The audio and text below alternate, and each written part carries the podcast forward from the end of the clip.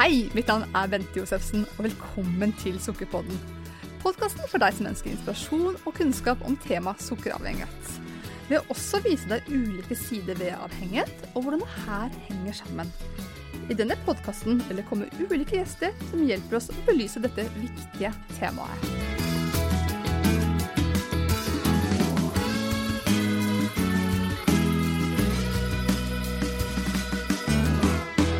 Med meg i dag så har jeg Katrine Sørland. Velkommen hit til Sukkerpodden. Tusen takk. Og du er jo veldig allsidig, har jeg skjønt. Du er jo både programleder, du er forfatter. Altså oss to forfattere imellom, liksom. Det er stas. Ja, er det ikke det? Jo, det er stas. Så det skal vi komme tilbake til. Og du har jo vært med i noen sånne fine konkurranser òg. Du vant noen Frøken Norge-konkurranse for eh, et par år siden. Et par år siden. Og det var godt du sa. Nå ble jeg skikkelig glad. Altså. Her skal jeg bare sitte hele dagen. Og som følge av det så kom du da litt sånn ut i verden på Miss Universe og Ja. Miss, Un uh, Miss World. Men en fjerdeplass, i hvert fall på I Miss World. Ja, stemmer. Tenk det. Tenk det. Det var stas. Ja, gud. Det, Lille Katrine fra Sola. Ja. Ute i den store verden. Ja Og konkurrere om hvem er penest. hvem er penest i verden? her? Hvem er pen? Holdt jo ikke bare fin bare én gang. Jeg måtte jo være med en gang til. Så derfor to konkurranser. Mm. Nettopp. Det er fantastisk. Og det, jeg husker det jo godt, for det er jo det er noen år mellom oss. Jeg er noen år eller noe men ikke, ja, ikke så mange, da. Ja, det var et kvarter. Noe sånt kan du da. Ja. Nei, ikke så mange. Så, men jeg har jo sånn sett fulgt deg hele veien, og husker jeg var utrolig stolt av jeg bare, Å, vi har en fra Norge som kom på fjerdeplass! Det var stort, Katrine. Så stas. Han blir jo litt patriotisk, vet du, når Ja, ja. holder på sånn. Definitivt. Det er hyggelig å høre. Absolutt. Ja. Og måten vi kom i kontakt med hverandre på, er jo vel via vår felles manager, Geir Ikke Hamnes. Ja, Verdens beste manager. ja, vi må skryte til Geir. Ja, han er så god. Og han har jo vært med i noen episoder i denne podkasten tidligere. Både jeg har intervjuet han, og han har faktisk intervjuet meg. Jeg gleder meg til å høre. Ja, det må du høre. Ja. Og bakgrunnen for at jeg har invitert deg til denne podkasten er fordi at jeg leste et intervju av deg i forbindelse med denne nye boken du har kommet med nå, som heter 'Du skal ikke tro du er noe'. Eller så er det en strek over 'ikke'. Ja, ja. For du skal tro du er noe. Du skal, tro, ja. Det var den tittelen gikk rett hjemme hos meg. Eh, og da jeg leste det intervjuet, så kom du innom et par temaer som vekket min interesse. Og det var både eh, ordet spiseforstyrrelse Ja. og noe avhengighet til piller. Mm. Dette, dette er interessant for podkasten. Så gøy at du tenkte det. Ja, det var veldig hyggelig at du sa ja takk til å komme. Ja, veldig gjerne. Altså, du er en meget interessant eh, dame.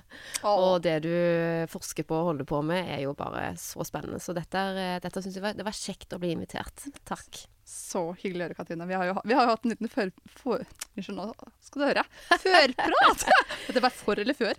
Førprat. Ja. Ja, og det, vi fant ut at her har vi nok eh, en del å snakke om. ja. Jeg kunne sitte her eh, hele dagen og natten, jeg, og bare hørt på deg. Og bare liksom Å ja, litt sånn aha-opplevelse har jeg fått, bare på den lille praten vi har hatt allerede.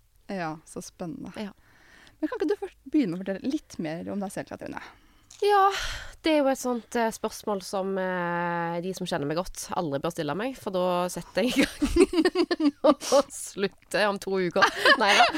Nei da. Eh, oppvokst på Sola. Fin og trygg og god barndom. Eh, eh, studert barnevernspedagog. Oi, det Ja, det. Har det du har praktisert, eller? Eh, nei, det var jo da sånn at eh, siste året på eh, Universitetet i Stavanger, da Høgskolen i Stavanger eh, skulle opp og ha litt eksamen og sånn, så er det jo en Geir Hamnes, da, vår felles Ja, ja. manager, som tar kontakt med det modellbyrået som jeg eh, var i da, Prestige, og spurte om det var noen jenter.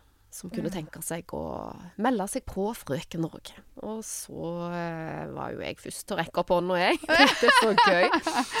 Og så gikk det jo raka veien til topps, og da skjønte jo jeg fort at eh, oi, nå skal jeg ut i verden, jeg, vet du. Nå skal Nå, nå, nå! Sørland. så det blei litt sånn. Eh, veldig takknemlig for at det skjedde, for jeg sitter jo her i dag med deg. Ja. Eh, og det har jo vært en lang reise dit, men eh, flytta til Oslo, traff mann, fikk barn. Eh, Leon, som nå har blitt tolv år. Åh.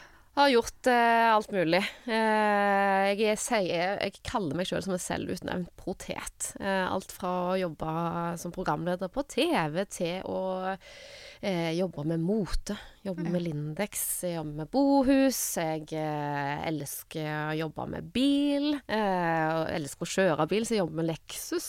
Oi, oi, oi. Ja, ja, ja. Det her er kult, vet du. Jeg er litt råner, vet du, inni meg. Eh, og så Sosiale medier er jo spennende. Det Mm. vet vi jo alle. Det er en del skjermtid på Sørlandet, vet du. Mm. Yes. Mm. Eh, og mor der hjemme. Eh, hjemmeskole om dagen.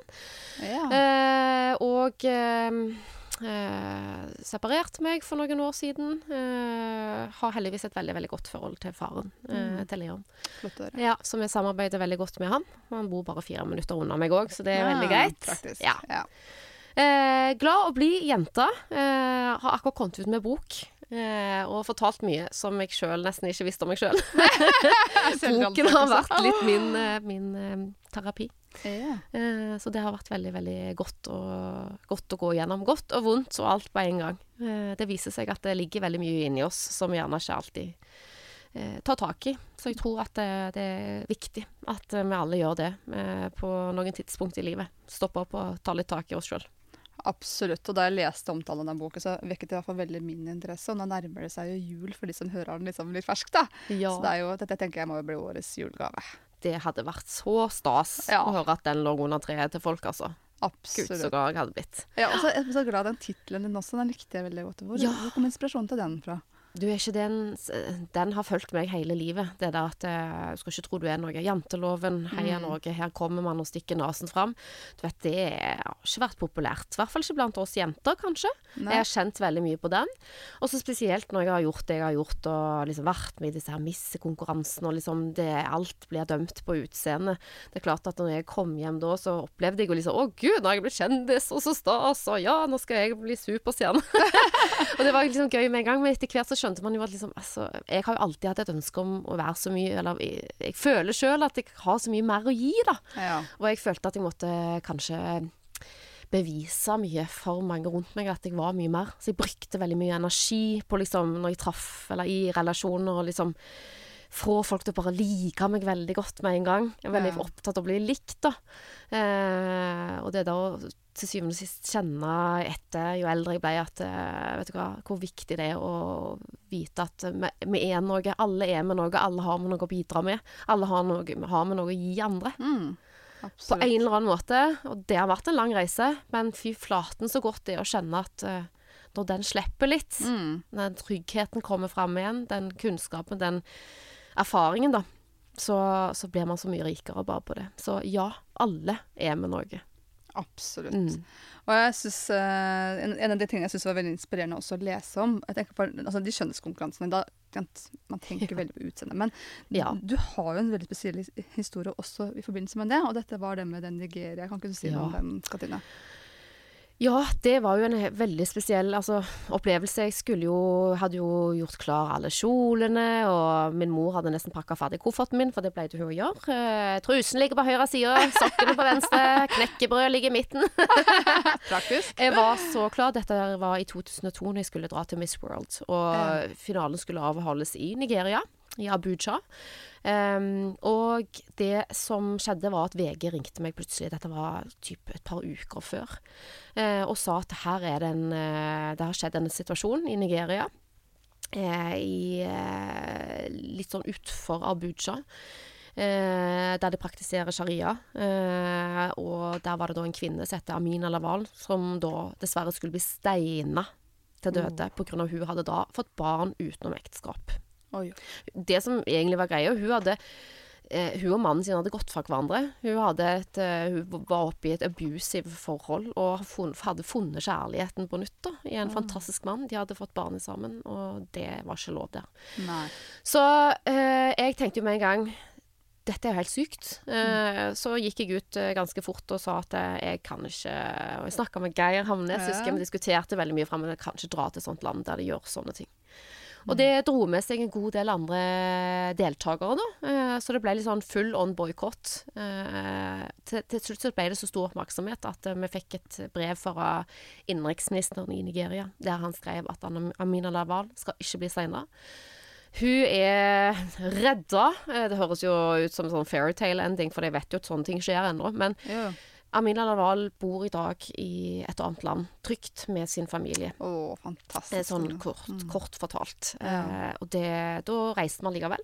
Ja. Og vi var i Nigeria, reiste rundt, så på veldig mye flotte ting, ble vinka til parader. eh, Alt var bare fantastisk. Og så plutselig så var det da igjen eh, en kristen avis som skrev at en, en ung journalist som skrev at hvis Mohammed var i live, så ville han gifte seg med en av deltakerne. Oi, oi.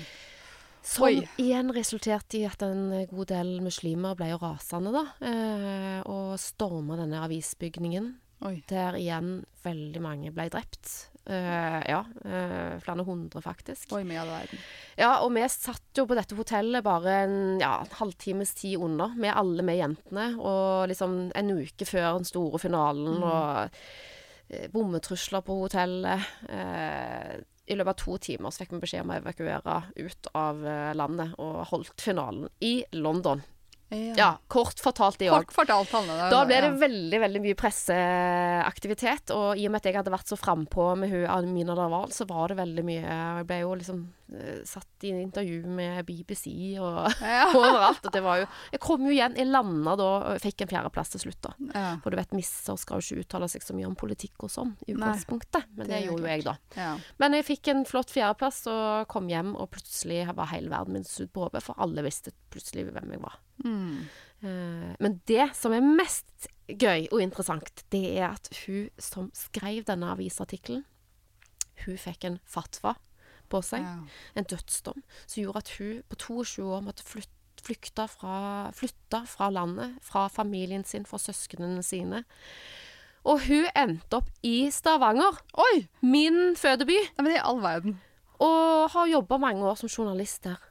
Nei, men i all verden. Så hun Jeg har truffet henne. Ja. Jeg. Mange år etterpå traff jeg henne, og det var så spesielt, og det var så vanvittig at hun har skapt seg et liv, og hun har det godt. Åh, så glad jeg ble. Jeg kjenner for en gåsehud Ja, jeg vet det er helt vanvittig. Det hele saken er jo helt vill. Ja. Så det var ikke så mye missekonkurranse egentlig jeg følte jeg var med på. Bare så det er sagt. Ja, ja, nettopp. Dette, er jo, dette er jo en fantastisk ja men du, nå snakker jeg mye igjen. Ja, Nå babler jeg. Ja, men det er jo derfor du har invitert, er det ikke? Ja, det var hyggelig.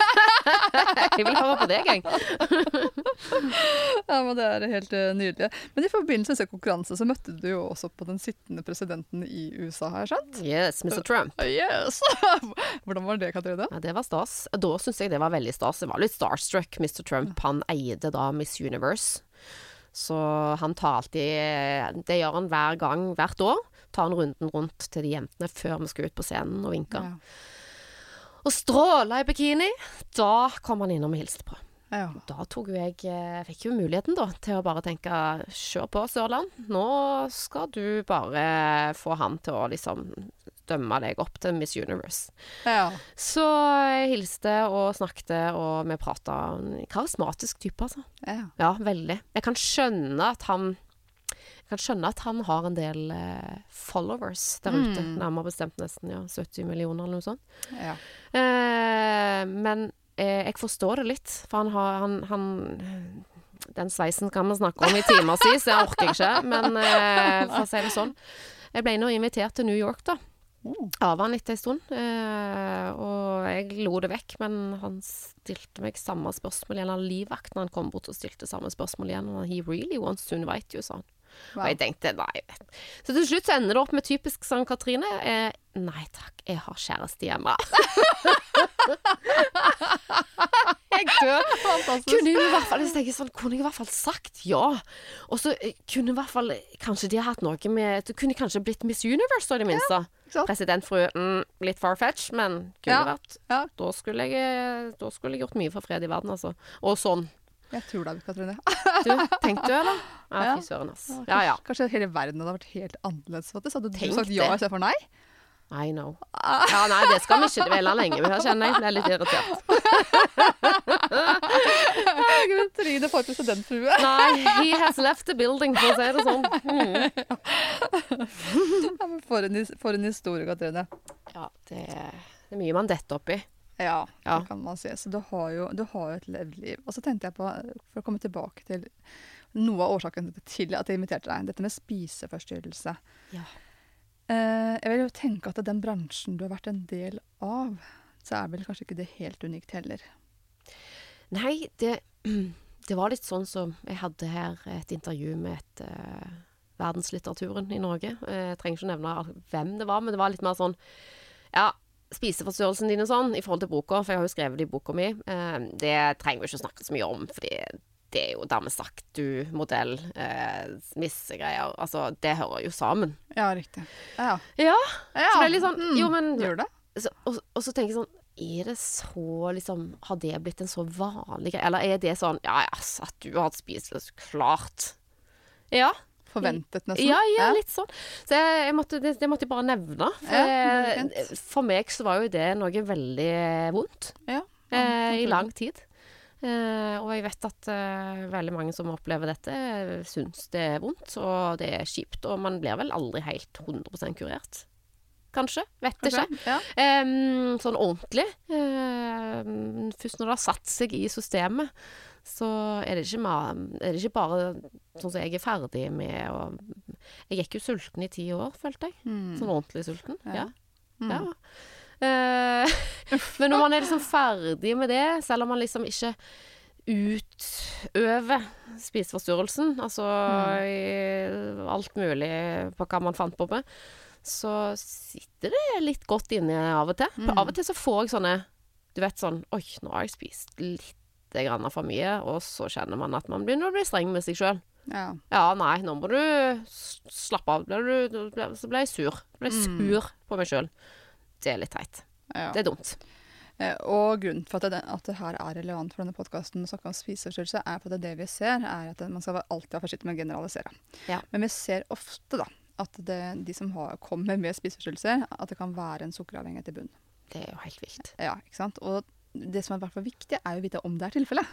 Ja. For da skal man ha litt forskjellige tilnærminger til det. For er en spiseforstyrrelse kun, altså nå sier jeg kun i, i anførselstegn psykologisk betinget, da, så Mm. kan man på en måte gå gjennom terapi og behandles ved å på en måte forstå atferdsmønster osv. Men er det faktisk en sukkeravhengighet som gjør at man har hatt en spiseforstyrrelse, og at man, dette bare er et kompenserende tiltak, som vi kaller det, så er det litt annen tilnærming som kanskje skal til. Veldig interessant det du sier, altså. Mm. Uh, virkelig. For det, er nettopp det. Man hører hele tiden at eh, jo, men spiseforstyrrelsen er det, det er en kompensasjon for at du, du har det vondt, eller det er et eller annet som har skjedd i livet ditt, eller Mm. Og jeg har prøvd liksom å tenke på det at eh, ja, det skjedde jo, det skjer jo ting med oss alle. I hvert fall i den alderen man var i når man er ung. Altså Mm. sånn 12-13-14. Spesielt hos meg så begynte det med Altså, hos meg så var det Jeg fikk én beskjed, jeg husker det ennå. Eh, og det var en modellagent som kom til modellbyrået mitt hjemme i Stavanger. Jeg var 17 år eh, og aldri tenkt på vekt eller noen ting i mitt liv. Og jeg fikk den beskjeden. Eh, at eh, du, du vi vil gjerne ha deg til Milano, du kan jobbe der, bare ta deg ned som sånn fem-seks kilo. Ja. Ja. Så det ble veldig sånn Å ja. Hæ? Meg? Hva da? What? Mm. Eh, så jeg visste, hadde jo ingen kunnskap eh, på hva jeg skulle gjøre da. Så jeg levde på makaroni og ketsjup i et halvt år. Liksom. Makaronekuren. Ja, for jeg følte at det var greit, og så etter hvert så skjønte jeg jo at det var lett å, få opp når det gikk litt lenger. Ja. Sånn at det, jeg husker, men, men jeg husker at jeg var veldig sukkergæren Ja, på samme tidspunkt. Ja, for det tenkte jeg på. For det snakket vi litt Ja. før vi tok på play-knappen her. At eh, du sa noe om sukker og i barndommen. Kan ikke du si litt om det, Katrine? Ja, og det, det, når du sa det, så tenkte jeg sånn mhm, akkurat. For når jeg gikk på barneskolen, så husker jeg veldig godt at uh, jeg eh, prøvde å få tak i alle pengene jeg klarte å få tak i hjemme. Eh, Stjal litt her og der, da. En tier her i lommen til han far. og rett etter skolen var ferdig, så kunne ikke jeg sykle fort nok til den lokale butikken, kjøpe Jeg husker jeg kjøpte en Caramello og en Stratos. Jeg veksla litt mellom de to, men fikk jeg tak i to, eh, to sjokolader, så var jeg lykkeros. Og jeg kunne ikke komme meg fort nok ut, for jeg hadde fortært begge to. Helt sånn skjelven. Ja. Eh, og dette gjorde jeg hver dag. Altså, jeg spiste altså sjokolade hver dag til nærmest et års tid siden. To, halvannet års tid siden. Ja. Ja. Altså, jeg, altså, den lysten på sjokolade. ja. Sånn cravingen. Jeg var helt gæren. Altså, om det ikke var sjokolade, så lagde jeg eggedosis hjemme Ja. hos mor. Eh, ja. Mm. Altså, jeg, jeg, hun måtte slutte Altså, det var, det var ikke sukker. Eh, korn hjemme til slutten etter jeg Altså, jeg var helt gæren. ja. Ja. Hm. Eggedosis, ja. Den har jeg vært innom, ja.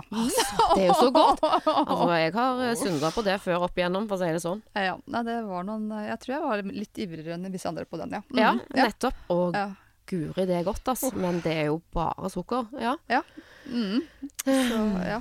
Og ja, så det her er interessant. ja. Så du har sett et mønster egentlig når du nå tenker tilbake fra Mm. barndommen. Vi gjør jo At det. det var noe med sukker. Det må ha vært noe med sukker. Ja. For at når vi snakker om sukkeravhengighet, så er det på en måte ikke heller bare sukkeret nødvendigvis, men andre raske karbohydrater som brød, pasta, makaroni, ris. Mm. Ja. Ser du noe mønster? Still going strong på den. Ja, Ja. er det noe der elsker du jo Ja. Det her er veldig rart. Og så merker jeg at uh, spiser jeg uh, Altså, min kropp er veldig glad i, i fett, har jeg skjønt. Uten å ha Mhm. studert. Uh, jeg, er ikke, vel, jeg er ikke noe god på eh, hva matvarer jeg trenger eller ikke trenger. Eller, altså, jeg er veldig dårlig på det, så jeg er så glad at jeg sitter ved siden av deg nå her. Altså. kommer snart tilbake Ja. Men, eh, men jeg kjenner jo på det at eh, jeg elsker pasta, elsker pizza. Og jeg elsker alt sånne ting. Eh, liksom, jeg har sukker oppi pastasausen og sånn, og da elsker jeg den enda mer. Ja, det er rart. Mm.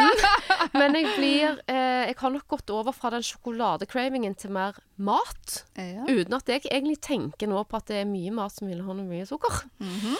Eh, og bare når det, så det er sagt, så kjenner jo jeg at jeg blir veldig fort f.eks. oppblåst i magen hvis jeg Ja. spiser mye av det. ja. Ja. Det er ganske kjent. Mm. Mm. Det er riktig. Eh, men jeg kan spise masse feite sauser, majoneser og greier og dressinger uten at kroppen eh, Jeg kjenner at kroppen bare liker det han får. Jeg vet ikke hvorfor eller hva, men Nei. salater, grønt Å, kroppen min bare craver det. Jeg elsker det. Ja. Og En kilo med majonesdressing oppå etterpå. Jeg tror, jeg, har, jeg, jeg tror du kommer til å like boken min, Katrine. Jeg gleder meg sånn til den. Ja, men du aner ikke, jeg skjønner Jeg, prøver å forstå kroppen min òg, uten alltid måtte liksom lese meg opp til at den type dietten passer der. Og det, jeg synes vi, vi er jo alle individuelle, er vi ikke det? Jo, det er vi Så at absolutt. liksom Det det er ikke alltid dermed sagt at den dietten funker like godt på deg som på meg. Sant? Da, det, da har jeg riktig. Det er riktig. Vi, Ja. vi er forskjellige, og så er det på en måte altså, det å forstå noen mekanismer. For at det, har du noen gang sittet og overspist f.eks. kokt torsk eller brokkoli? Nei! Aldri! Det, det, det er så funny du sier, for det har Nei, det er så sant, da. Klart man ikke har det. Nei, så det vi har overspist er jo gjerne noe som trigger hjernen på et vis. Ja, fy flaten om det. Ja, ja. Mm. Ja. Og hvor lett er det da å bare bestemme seg for at i dag skal jeg spise litt? Ja. Nei. Får du det til? Nei. Nei. Veldig. Altså, eh, ja, det igjen. Det kreves styrke, altså. Ja, sant? Altså eh, Uff a meg. Altså, alt fra her i går, så Min sønn elsker Burger King. Burde jeg jo ikke sagt høyt, men han virkelig elsker det. Og han er sånn en tynn, liten stake som bare jeg kjenner Å ja, vil du ha Burger King? Ja, flott! Jeg er den mora som tar, tar Det er kjappe løsninger, der, altså. Jeg er bare glad for at han spiser, jeg. Selv om han for all del han er flink til å spise masse annet òg, men eh, det kan bli litt mye sånn. Ja. Mm. Og jeg tar meg i å bare crave en sånn chicken burger, for det er det beste jeg vet, sånn. Nettopp. Og etter to timer så bare har jeg spist i dag. Eh, Ja. Hva har jeg spist? Og bare har enda mer lyst på mat. Mm. Ja. Mm. Nettopp. Det er interessant. Ja. ja. Det er noe med regulering av metthetshormoner ute av bildet som går her også. Ja. Ja. Mm. Fordi at når vi snakker også da om spiseforstyrrelser, så kan det på en måte være både i form av anoreksi og det kan være bulimi, som man også deler opp i både det at noen overspiser for så å kaste opp, Mm. noen overspiser for så å overtrene, og noen bruker lakserende midler. Altså man kompenserer overspisinga. ja. Vil du si noe om hva, hva du har vært innom? Kan vi kanskje si alt? Alt det? Ja, Ja. ja. riktig. Ja, Kan jeg absolutt. kanskje si alt? Jeg tror at um, det pågikk såpass lenge at jeg tror jeg ble liksom en ekspert i at uh, OK, nå funka ikke det så bra, da går jeg videre til noe annet. Uh, jeg fikk såpass god kontroll da, over kroppen, eller på kroppens inntak, uh, at jeg var innom det meste, ja. Ja, Ja. riktig. Mm. Har du noen gang gått under behandling for spiseforstyrrelse? Nei. For jeg så jo aldri på det som et problem av noe slag. Jeg så heller aldri på det som et symptom av noe slag. Mm. Eh, som du så fint sa nå når vi snakket, og det, det syns jeg var interessant, altså. Ja. Hva, hva, du sa det på så bra måte. Du må nesten, du må nesten si det igjen. ja. jeg sa så mye, Katrine, men Ja. det, det kan ha sagt. Ja. altså, har man en sukkeravhengighet, så har man lett for å, å ha ulike kompenserende strategier. Og at det med spiseforstyrrelse kan være et symptom, På, Symptom. symptom på det hele. Og på lik linje som at andre har andre symptomer. ikke sant? Uh, og alle, altså, mange tenker jo at har man sukkeravhengighet, så er man Ja. sikkert overvektig. Nettopp. Det har Nei, nei, nei. sant? Og da, når man ikke blir det, så kan Mm. det være genetikken som gjør at man er Mm. litt heldig i anførselstegn. Eller at man har disse kompenserende Ja. som gjør at man unngår å legge på seg. Jeg har en veldig slank mamma, og en veldig slank pappa. Hele Mm. familien min er liksom sånn lange, tynne saker med lange, flaksende bein. Som er ofte i veien, altså. Jeg skal love deg. Jeg har alltid drømt om større rumper, større hofter og større alt, jeg. Ja. Eh, Det er folk som kanskje ikke helt vet, men det har jeg faktisk. Så jeg har nesten hatt komplekser motsatt. Ja. Um, men det var bare en digresjon. Men kan man ha symptom... Altså, eh, spørsmål til deg. Kan man gå begge Altså, kan man allikevel ha opplevd ting i livet som gjør at man kompenserer med en eventuell spiseforstyrrelse, og i tillegg sukkeravhengighet, eller må det være enten-eller? Mm. Det var et veldig godt spørsmål, Ja. Katrin. For det, den vanlige oppfattelsen Du var litt innom det i stad Ja. også. At uh, har man en spiseforstyrrelse, overspising, altså, mm. sant, så er det på en måte at man prøver å regulere følelser, og man har gjerne med seg noe traume. Ja. Uh, men det er ikke så enkelt som det. For at uh, hvis da man har en avhengighet, så er jo det eh, en fysiologisk sykdom. Så det er en Mm. fysisk sykdom som sitter i hjernens belønningssenter. Og årsaken til den er ofte veldig biologisk betinget. Vi ser veldig sånn sterk eh, relasjon til ikke Mm. eh, foreldre osv. At, dem- at man kan ha foreldre, besteforeldre, tante, onkel som har andre avhengigheter. da. Og når vi, når vi går inn og kartlegger om folk faktisk har en avhengighet eller ikke, for det har vi vært å gjøre, så får vi sett en oversikt over sånn livsløp. Og da ser vi på en måte ok, når var første symptomene på at det kunne være en avhengighet. Og så ser vi på en måte eh, konsekvensene, altså bl.a. psykiske ting. Mm. Og da kommer nesten alltid de psykiske tingene etterpå. ikke sant? Ja. Um, og det er klart at når, når hjernen har funnet en belønning i f.eks. sukker, så ja, så kan man jo absolutt bruke det her som trøst. Selvfølgelig kan man jo det, for da har man erfart på en måte fungerer. Men det er ikke der det startet. Hmm. Det startet med noe fysiologisk som aktiverte belønningssenteret, og da skjønner hjernen at ok, det kan fungere som en trøst. Så det har ikke startet nødvendigvis som en trøstespising. Ikke sant? Eller, Det er så interessant. ja, for hva kom først? Høna ja, det, egget? ja, ja, det er helt riktig. Ja, ikke sant? Og det er noe at når man da ser det mønsteret, så ser man at jo, først så utviklet avhengigheten seg. Og da blir løsningen for hjernen å spise på slitenhet, sorg, stress, sinne, you name it. Alt sammen. Da blir løsningen det, men det er ikke der det startet. Og da å gå i behandling og skal analysere følelsene sine og finne ut ja, Hvorfor spiser du da, når du er sliten, Mm. stressa til det? Du har ikke et svar engang. For det her styres fra den delen av hjernen som handler om overlevelse. Den har ikke språk engang. Nei. Du, du kan ikke sette ord på det nesten engang. Hvorfor i all verdens land ikke stoppet du ikke til én bit sjokolade Ja. eller litt pasta? Du bare, det, det Nei, bare, du bare vil ha mer. Trykker det inn. Ja, ikke sant? Ja. Det kan du egentlig ikke sette ord på, og det vil ikke løses ved å analysere disse følelsene. Ja, for altså, jeg var jo sulten da jeg spiste disse her sjokoladene etter skolen. Mm. Men jeg husker jo at jeg skulle jo da hjem og gjøre lekser. Det hadde jeg så lite lyst til. Jeg husker det var veldig press på skolen. Jeg følte, meg, jeg følte det var veldig press. Det var veldig for meg press å høre, høre til noe sted. Venninnegjengen. Altså, hvis jeg begynner å tenke litt etter, da. Ja. Eh, kanskje litt skur hjemme med foreldre som ikke hadde det så bra. Eh, sant? Mm. At liksom Det var på en måte den der deilige flukten Ja. fra alt. Det var de der sjokoladene på vei hjem. Altså, jeg, jeg, som sagt, jeg kunne ikke komme eh, ned i eh, drøven fort nok, liksom. Og, og hvis, du, hvis du ikke hadde hatt en avhengighet, Katrine, så Ja. kan det godt være at du fortsatt hadde funnet en slags flukt til det. Ja. Men da hadde du kanskje nøyd deg med litt, eller spist et normalt tempo. ikke sant? Du hadde ikke bare dyttet hjempå. For det er jo hjernen som vil ha det her. ikke sant? Så det, det er litt forskjellen. da. Mm. At den som ikke har avhengighet, bruker det på en litt annen måte. Ja. Eh, og kan fint stoppe uten at det på en måte er veldig problematisk.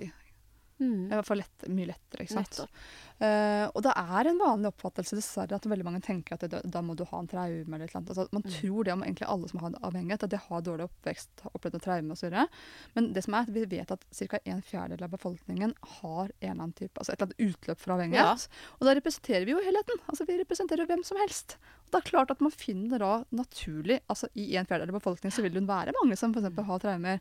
Og kanskje er det de som oppsøker hjelp. da. Og så vil jo de hjelperne tenke at alle med avhengighet har opplevd traume. Det er derfor de utvikler avhengighet. Nettopp.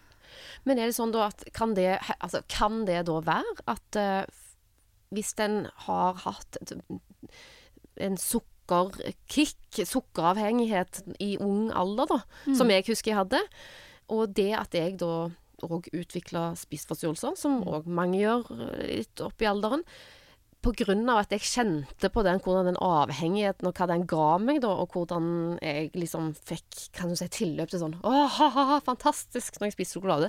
At det hjalp meg enda et steg på veien inn i en spiseforstyrrelse. Absolutt. Fordi jeg kjente at med å gjøre det, så skjedde det. Altså, vi er jo ikke dumme. Eh. Hjernene våre er jo ikke dumme. Nei, absolutt ikke. Og det, er- det Det er jo skummelt. Ja, visst er det. Og det som er at det, det, som jeg sa, det, det man erfarer når man har sukkeravhengighet, er at man har jo ikke kontroll. Ikke sant? Man spiser Nei. sukker kanskje oftere enn man vil, eller i større mengde enn man vil. Ikke sant? Og mengde kommer gjerne som et problem litt etter hvert. Og da er det da man kommer med at OK, jeg overspiste, jeg må gjøre noe for å bli kvitt det her. Ikke sant? Og da begynner man å kaste opp eller laksere eller overtrene eller sulte seg. Ja. Og det å sulte seg også kan på en måte oppleves som en belønning ved belønningssenteret, faktisk. Ja, men Så man kan trigge på sult. I know. Det, Yes. det kjenner jeg veldig godt uh, til. Jeg husker at det var en fantastisk følelse å gå sulten. Det var forferdelig å gå rundt mett. Mm. Det husker jeg. Det var, det var rett og slett uh, ikke bra, altså. Nei. Nei, så altså, utrolig hva jeg følte jeg kunne utrette bare jeg var sulten. Ja, Mm. nettopp det som jeg kan bli høy på sult. Ja. Faktisk. Altså, Er ikke det rart? jo. Men samtidig så Nå er ble jeg faktisk veldig sulten. Nå ble jeg veldig sulten. det Hva hadde jeg tenkt meg? Juleribba med fett og deilig svor. Ja, nå ble jeg faktisk veldig sulten. Men jeg har sånne, jeg har sånne tre, på, I løpet av tre timer så må jeg eh, da, da bør jeg spise. Hvis ikke så, så har jeg skjønt at da da begynner jeg på det der. Da, da kan jeg lett gå inn i den der 'Å, oh, er digg'. Ja, Mm. nettopp. Mm. Riktig. Så, og det jeg snakket også om, er jo at man har skiller på det man kaller prosessavhengigheter og inntaksrelaterte avhengigheter. Altså inntak er det man kan innta, som sukker, ja. stivelse, alkohol, nikotin osv. Og, og prosesser er jo det man gjør, som overtrening, shopping, skjermer osv. Og, Mm. og når det gjelder spiseforstyrrelser, så kan det, det kan være en kombinasjon av begge. Altså Man både har avhengighet fordi man blir, altså hjernen reagerer annerledes i kontakt med sukker og andre raske karbohydrater. Og man kan også på en måte ha en slags avhengighet til selve prosessen i seg. Altså det f.eks. å sulte seg eller kaste opp osv. Litt sånn at angsten blir Man har angst for angst. Ja, Ja, altså, ja, ja, sånn. Det blir litt sånn. Så, det, så det er et veldig interessant uh, tema, rett og slett. Men altså, jeg må jo bare spørre, for det, at, eh, det er jo først nå i et, den siste tiden jeg har begynt å ta meg et par turer til psykolog. ja. Rett og slett for å For det følte jeg trengtes. Eh, jeg venta nok dog så lenge at jeg kjente at jeg, nå må jeg. Eh, Ja. Nå har jeg mye greier.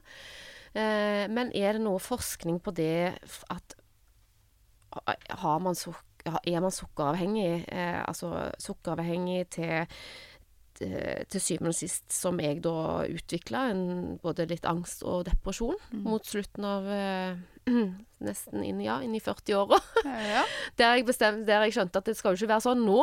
Sant? Nei, Men skjønner du, altså er, henger dette sammen på mm. absolutt. Altså det vi ser, altså Avhengighet er egentlig avhengighet. For vi har bare ett belønningssenter som kan utvikle avhengighet. Og vi skal også komme litt inn på dette med de ulike utløpene, hvordan det Ja. henger sammen. Vi ja, Jeg har er jo i dag òg. Men det vi ser, da, er at all avhengighet gir konsekvenser. Og vi deler det på en måte inn i fysiske konsekvenser. Og sukker vil, jo, vil for noen kunne gi overvekt, men ikke for alle. ikke sant? Det vil kunne gi diabetes 2, betennelser i kroppen, noen får migrene, hodepine, hudproblemer. ikke sant? You name it. Eh, er det alkohol man har en avhengighet til, så kan de fysiske konsekvensene f.eks. være fettlever osv. Og så har man de psykiske konsekvensene av all avhengighet. Og det kan jo være nedstemthet, depresjon, angst osv. Og, og det handler både om at det man ruser seg på, er skadelig i seg. ikke sant? Og det andre siden av det er jo at uh, vi mister jo kontrollen. Mm. Ikke sant? Det at man stadig vekk prøver å regulere seg selv, og, men så klarer man det ikke, og så begynner man å skamme seg, for skam er jo et biprodukt av det hele. Det også kan man jo bli ganske deprimert Ja. av. Så veldig mange dessverre ender jo opp med selvmordstanker, og noen tar selvmord. Mm. Så er det, det er jo virkelig sånn det triste ved det her. Er Mm. derfor er det så utrolig viktig, og jeg er veldig for å få kunnskap om det her. Og så har vi de sosiale konsekvensene, at en del begynner å isolere seg etter hvert. Det, man orker ikke, har ikke overskudd. Man prioriterer heller for å få rusa seg, om det er på alkohol eller sukker, hva det enn er. Men det er kult at du sier rus, at man Ja, ruser seg ja. på spise, matinntak og alkohol og sukker. Altså, det er jo ikke bare en tablett, liksom. Nei, Det er så mye. det er så mye. Ja. Og, hva, og det, er det her handler jo også om biokjemi, hva, kropp, altså hva Ja. din hjerne da, eh, foretrekker av rusmidler. Mm. For noen er det alkoholen, for andre er det sukker, og andre er det piller osv. Eh, og så kan det flytte seg. Vi skal komme tilbake. Mm. Så, men absolutt. For det, det vi ser da, når vi, når vi hjelper mennesker i mitt selskap Frisk uten sukker, når vi hjelper mennesker over i det vi kaller tilfristing fra en sukkeravhengighet For det er en kronisk tilstand, men den er behandlingsbar, så man kan få det veldig bra. Det er jo at veldig mange av de psykiske plagene blir enten borte eller vesentlig forbedret. I, altså, av, I seg å komme seg til tilfristing. Det er fantastisk å høre. Ja. Så det er håp. Ja, det er veldig godt å høre, for det man blir litt eh, Jeg kjenner jo altså Jeg har jo vært veldig bekymra for meg sjøl òg, sant, for dette du du, man begynner å tenke gjennom hva man har opplevd. Og når jeg skrev denne boken. Altså, så var det liksom Jøss a meg. Jeg hadde mange år med mye forskjellig Altså vært innom forskjellige avhengigheter, da. Som du Ja. snakker om. Som jeg nå har liksom lært å sette litt ord på. Takket være deg. Um, og da blir man litt sånn Oi, kommer jeg alltid dra en avhengighet? Går dette vekk? Hva er neste? Mm. Sant? Eh, det har jo vært noen opp igjennom, så jeg er ikke så veldig stolt av. Nei. Nei. Mm. Så mm, Ja, og det er nettopp det at det her har lett for å flytte seg. At det er over 90% av de som på har det ett utløp, som vi kaller det. Altså, alkohol kan være et utløp, sukker kan være et utløp, trening osv. Har mer enn ett utløp. Og når man får hjelp liksom, det ene, så kan man også ofte da ofte har man en kombinasjon av flere, og man kan også bytte fra det ene til det andre hvis man ikke kjenner til hvordan det her liksom, henger sammen når man jobber med avhengigheten, ikke bare utløpet isolert sett. Da. Så det vi i Frisk uten sukker har veldig fokus på, er å hjelpe folk å se helheten, overvåke seg selv, at man ikke plukker opp noe annet. Da Ja. har man fått slike like langt. så, så, så at man rett og slett får hjelp Altså, jeg tenker liksom Det skjer jo veldig mye i tankene. Det er jo der det ofte begynner, sant. Og nå kjenner jeg det sånn, og da trenger jeg det. Sant? Plutselig så har man lyst til å ta seg en røyk fordi at det Det er jo, ser jo fantastisk ut, sant. Når man har slutta med noe annet. sant? Eller sånn som jeg da plutselig fikk lyst til å ta meg en, ei- ei- en smertestillende når jeg ikke lenger hadde det vondt fysisk. Ja. For det tenkte jeg vi skulle kunne gå litt inn på. Kan, Ja. kan ikke vi ta litt forhistorien der, så de henger med, de som hører på dette Jo. her nå? Ja. Eh, det kan vi godt. Eh, dette er jo på ingen måte jeg er veldig stolt av, og det er ennå såpass ferskt at jeg kjenner at det gjør Det, det er ganske eh, Kjenner det godt å snakke om det, da. Eh, men ja, det, det, Og det er flaut. Eh, men eh, OK, here we go. Altså, jeg har jo snakket om det i boka, så nå må vi bare ta det. Men det begynte med en knust tå. Mm. Eh, parasollfot som jeg fikk opp på foten, den knuste, og det ble så vondt. Måtte fjerne tåneglen og sy under. Ja, ja, altså, det var sånn tortur. Uff. Men en tå, liksom, hvor vondt kunne den gjøre? Jo, den gjorde veldig vondt. Og så fikk jeg eh, eh, morfinpreparat. Eh, Oxynorm, husker jeg det heter. Veldig farlige greier. Mm. Eh, og tok dette her og kjente at å, det var godt, så hadde jeg ikke så vondt lenger. Kombinerte det med noe Paracet og noe greier. Eh, Parlegin Forte, altså alle disse her sterke greiene. Mm. Eh, kunne godt ha drikke alkohol til, det gjorde ikke så mye. Da hadde jeg mindre vondt. Ja. Ja. Og så hadde jeg det gøy samtidig. Ja. Uff a meg. Det er rart. Men eh, plutselig nå så gikk jeg jo gjennom litt eh, eh, For noen år siden en, en eh, samlivsbrudd. Et samlivsbrudd. Og da var det visse tider, ting som skjedde. Altså sosiale sammenkomster, eh, juleavslutning på skolen til Leon. Eh, sånne ting der jeg skulle gjøre alene. Der jeg kjente at eh, nei, men jeg husker jo virkningen av disse tablettene. Jeg hadde en del igjen. Mm. La meg bare prøve en sånn, da. Og da ble jeg jo en fantastisk utgave av meg sjøl. Ja. Og sånn begynte det, da. Mm. Mhm. Og det holdt på et år, cirka. Ja. Så det vi snakker om her, er en avhengighet til pillene etter hvert? Ja, Ja, riktig. ja det, er det, det er faktisk det. Og jeg har jo aldri satt ord på det nesten før ja, nå bare for noen måneder siden. Før, dette, dette var et kapittel i boka som, som jeg rett og slett heiv inn rett på slutten. For jeg følte dette måtte med. Jeg tror det er veldig mange der ute som, som kjenner på dette. Så godt og så modig gjort av deg, Katrine, å gjøre det. Og det er jo egentlig en link til boka mi, så kanskje vi bare selger oss en sånn topakk. Ja, dette her burde han jo virkelig, altså. To for prisen av én! Ja. Nei, nei, nei. Eh, nei, men eh, Ja, nei, det var Uff, ja. Mm, det var Det var Jeg visste jo hele tida hva jeg gjorde. Jeg visste jo at dette her er kjempefarlig. Mm. Visste jo at dette her eh, gir en enorm avhengighet av slag. Eh, og, men, men jeg den, den, den frykten eh, ble overskygga av eh, hvor fantastisk den virkningen var, og hvordan jeg kunne planlegge. At neste dag skulle jeg eh, da, skulle jeg da skulle jeg på det, og da skulle jeg ta en sånn, og da kom jeg til å ha det så bra. Jeg visste jo hvordan, hvor bra jeg kom til å få det. Det er jo helt fantastisk når du vet sant? Du går på den samme restauranten igjen og igjen, for der får du så god mat. Ja, da vil man jo altså safe det, rett og slett. Ja. Jeg var opptatt av å safe mest mulig der og da, for alt annet var så usikker rundt meg. Og følelser mest i å Syns det var, det, det var tøffe tider. Mm. Og det du nevner nå, er jo egentlig ganske mange symptomer på avhengighet. Det ene Ja. er jo den derre planleggingen. Ja. ja. Ja, det Mm. er et symptom i seg. At man gjør det til tross for at man vet at det ikke er bra, at det gir noen konsekvenser. Så mye jeg har planlagt opp gjennom livet. altså, det var helt sånn aha-opplevelser her, jeg. Jeg har planlagt så mye, jeg. Alt fra den sjokoladen til liksom Når jeg skulle spise masse og gjemme meg, til pillene til ja, i all verden. Ser du noe mønster? Katrine? Ja, det gjør jeg. Ja, dette, her, dette tror jeg vi skal fortsette å prate litt om også etter hvilken Ja. Oi. ja, ja, og så tenker jeg at eh, eh, fikk, Var det noe som advarte deg mot at disse tablettene kunne være avhengighetsskapende? Nei. Det var veldig lett for meg å få tak i de. Eh, jeg kunne jo, det var jo liksom via fastlegen, via Helse-Norge-appen, da. Eh, Og det er klart at uh, no offence er til den legen som jeg har hatt i alle år, fantastisk. Men eh, jeg hadde jo Jeg hadde jo, skulle jo Altså, jeg skulle jo ting, jeg skulle trekke en visdomstann. Jeg visste det kom til å få vondt. Jeg visste at det, det fikk sånn panikk for at du ikke hadde de tablettene der, da. Og de tablettene kom jo i en boks med ganske mange. Når du tar og trekker noen tenner, så trenger du ikke alle. Nei. Men jeg visste jo at ja, men da har jeg til en uh, For a better day. Yes. Ja, så det Mm. var litt sånn, da. Har jo, man har jo fire tenner, og sant? Og så det var sånn litt Planla litt og var litt lur, da.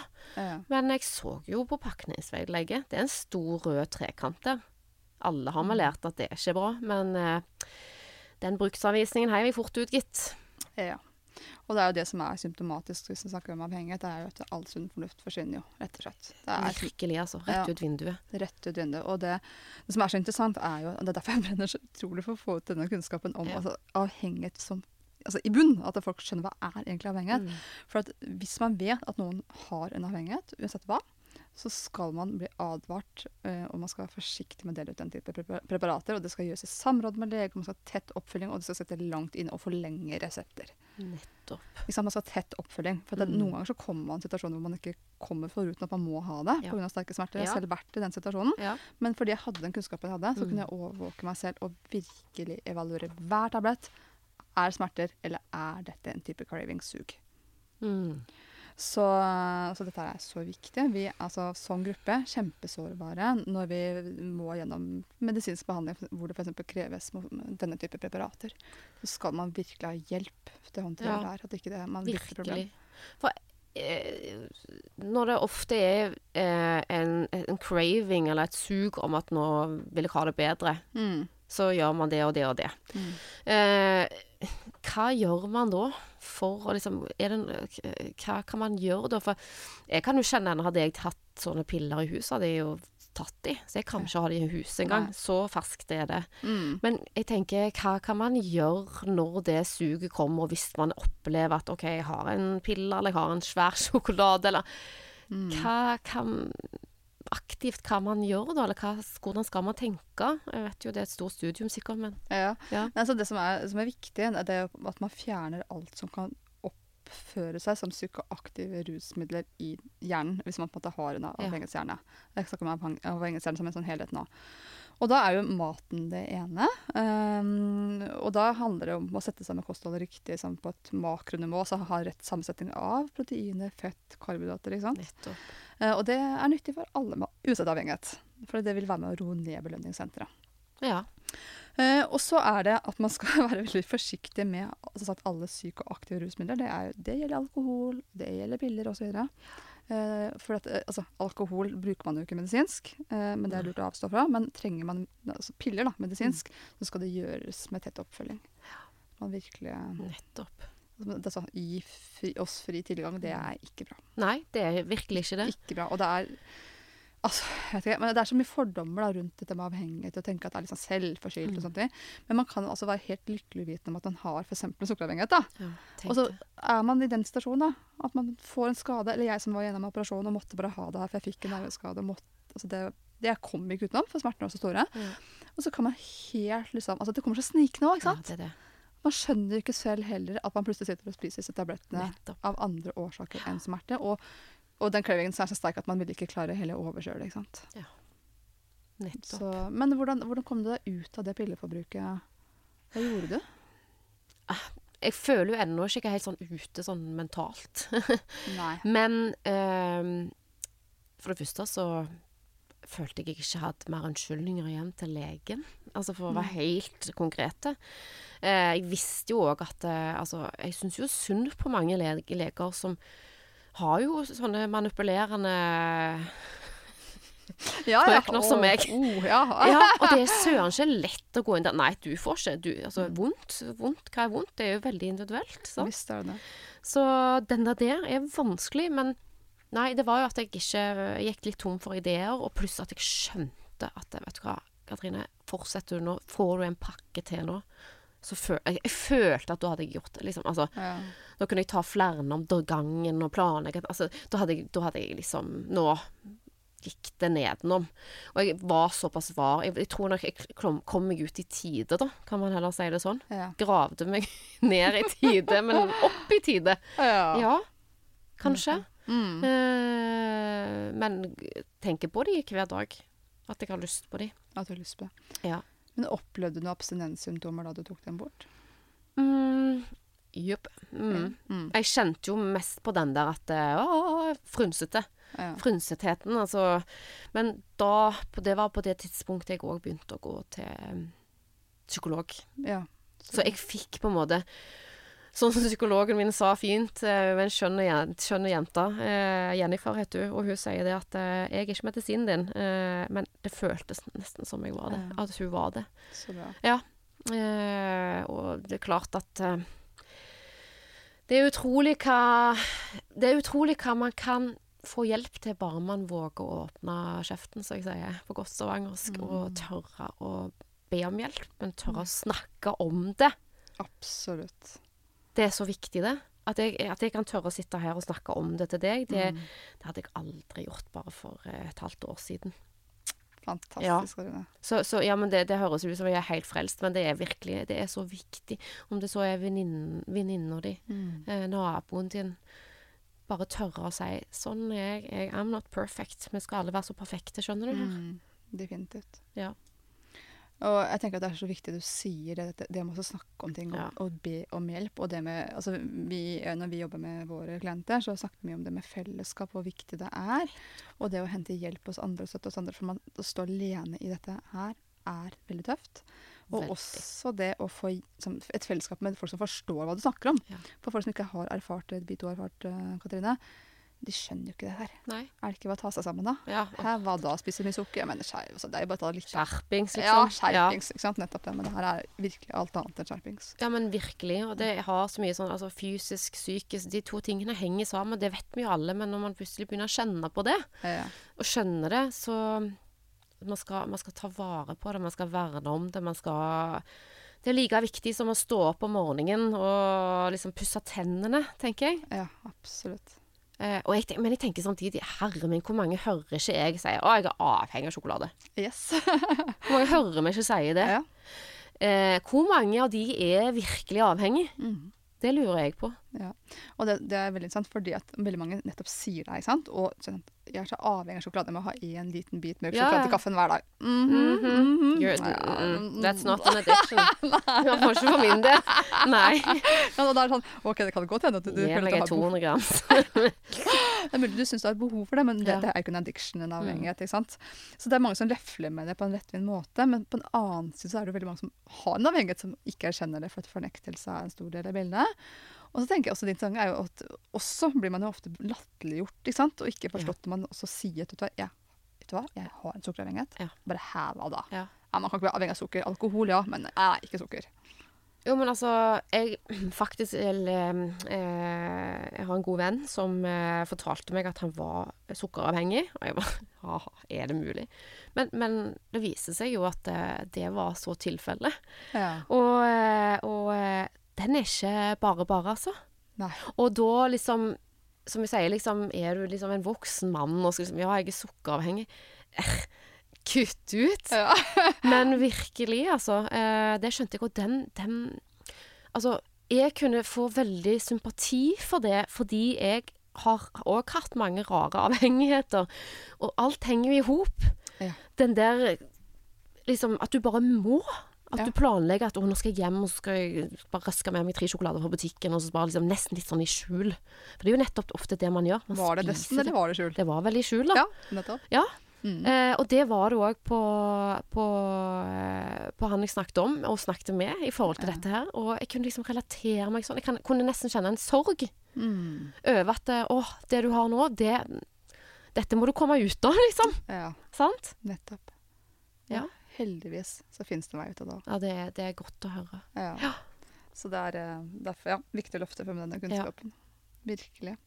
Så nei, dette her er en eh, spennende samtale. Veldig, veldig, veldig. Å, Jeg merker at vi kunne snakka sammen i dag, Gus, tror jeg. min som babler. Men så interessant og veldig, veldig, veldig, veldig fint å Ja, få prate med deg om dette. Ja. Er det noe du tenker som jeg ikke har vært innom, som du gjerne ville sagt før vi går mot en avrunding? Nei, jeg tror gjerne ikke det, altså. Nei? Nei, jeg tror um Jeg tror det går Jeg tror jeg føler Altså, det, vi, kunne, altså vi kunne jo gått så mye mer inn i temaet, men kanskje Kanskje vi må komme tilbake igjen, som du sier, etter, vi har, eh, etter jeg har lest boka di. Ja, Mm. jeg, jeg tenker at det kunne vært spennende. Ja, det hadde vært veldig... Hvis du er villig til det, Katrine, så.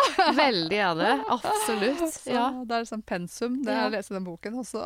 Nei, jeg syns liksom Ja, nei, dette er veldig Jeg har aldri tenkt på at liksom sukker var kanskje veien inn til et eller annet. Ja. Men er det noe man, er det Ja, noe man mangler fra, fra man er født av, da? Er det et eller annet man mangler, eller er det, er det noe Ja, hva?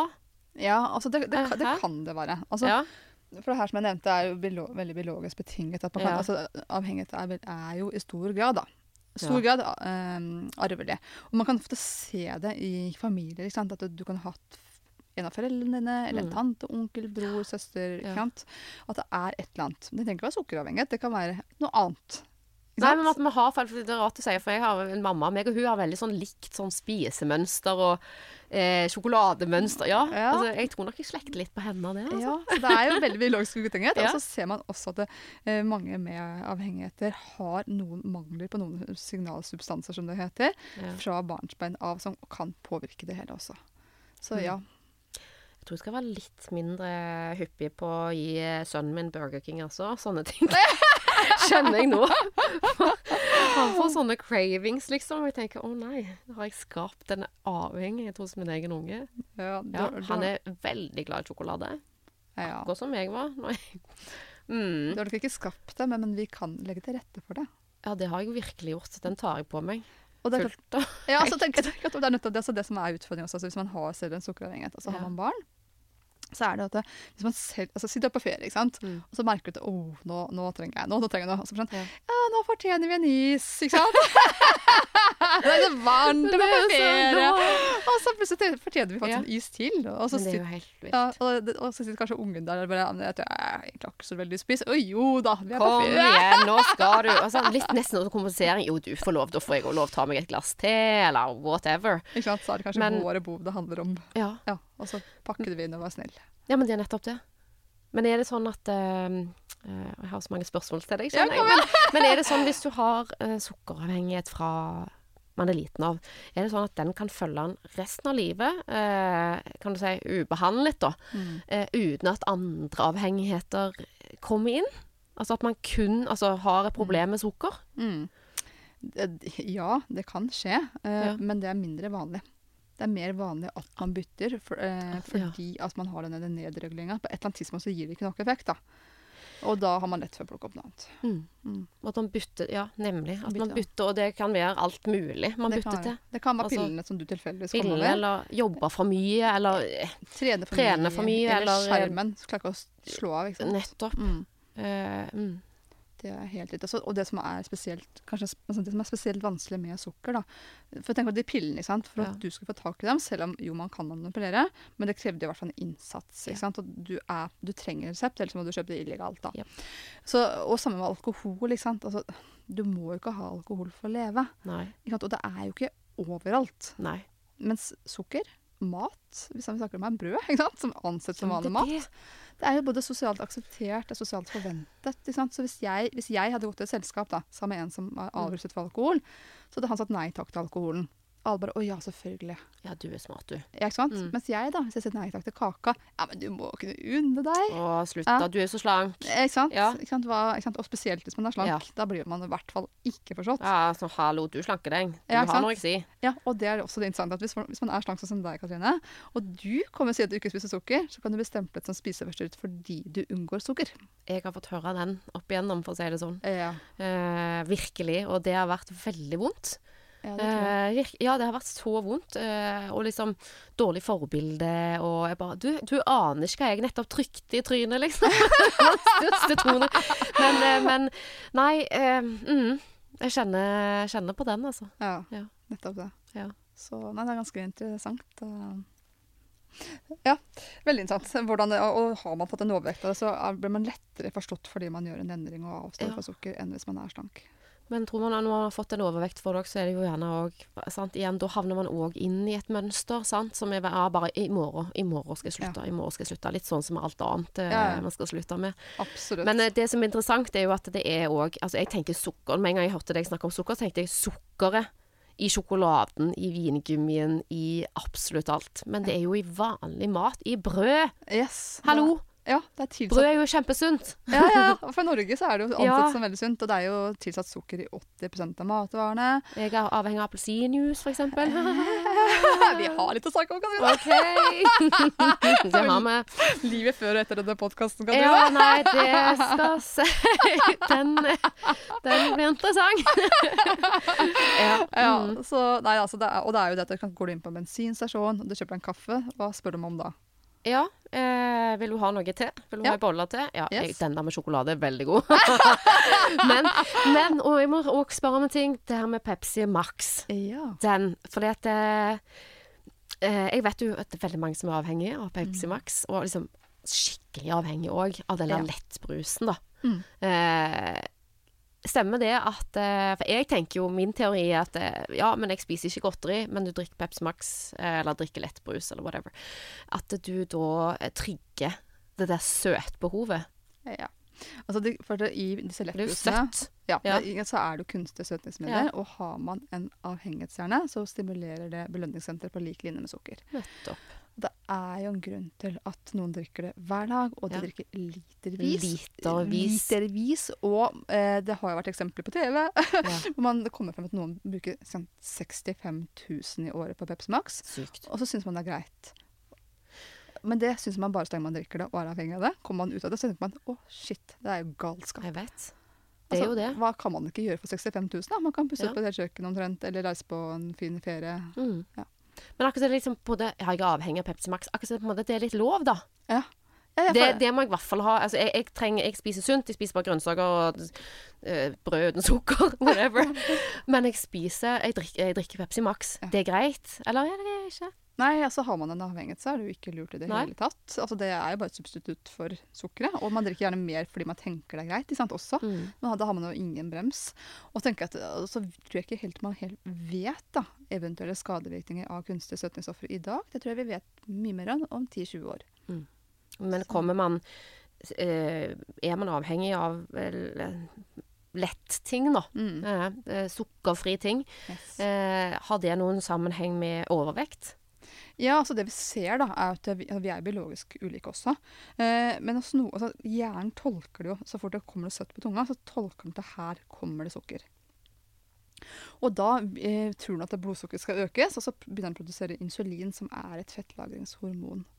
Så for noen så blir jo det problematisk i seg, og så er det jo sånn at man tenker man gjør det for man skal dempe søtsyre, men egentlig så bare holder det det ved like. Så hvor mange har du ikke sett som går ut med Pepsi Max der, og sjokoladen der? Jeg vet ikke. har du sett det? Ja. Ja. Mm. Sånn, så det er jo bare en illusjon man skaper. Jeg har hatt det sjøl.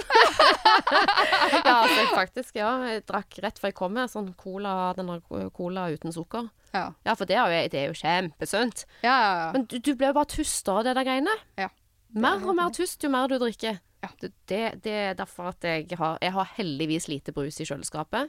Jeg har heldigvis kontroll på den avhengigheten. Takk og lov for det at jeg har kontroll på noe. ja. Men eh, jeg skal lese den boka di for å få litt mer kontroll, skjønner jeg. Til informasjon så har jeg skrevet en bok som nå kommer ut på Gyllendal forlag. Tittelen på boken er 'Sukkeravhengig bli frisk uten sukker'. I denne boken så får du masse kunnskap om hva sukkeravhengighet handler om, og også hvordan ulike avhengigheter henger sammen. Jeg forteller deg hva sukker gjør med helsa til oss alle. Og i tillegg så får du 40 fantastiske oppskrifter illustrert av nydelige bilder. Denne boken er nå ute for forhåndssalg i alle netthandlere, og vil du ha den signert, så gå inn på www.ark.no. Der finner du boken.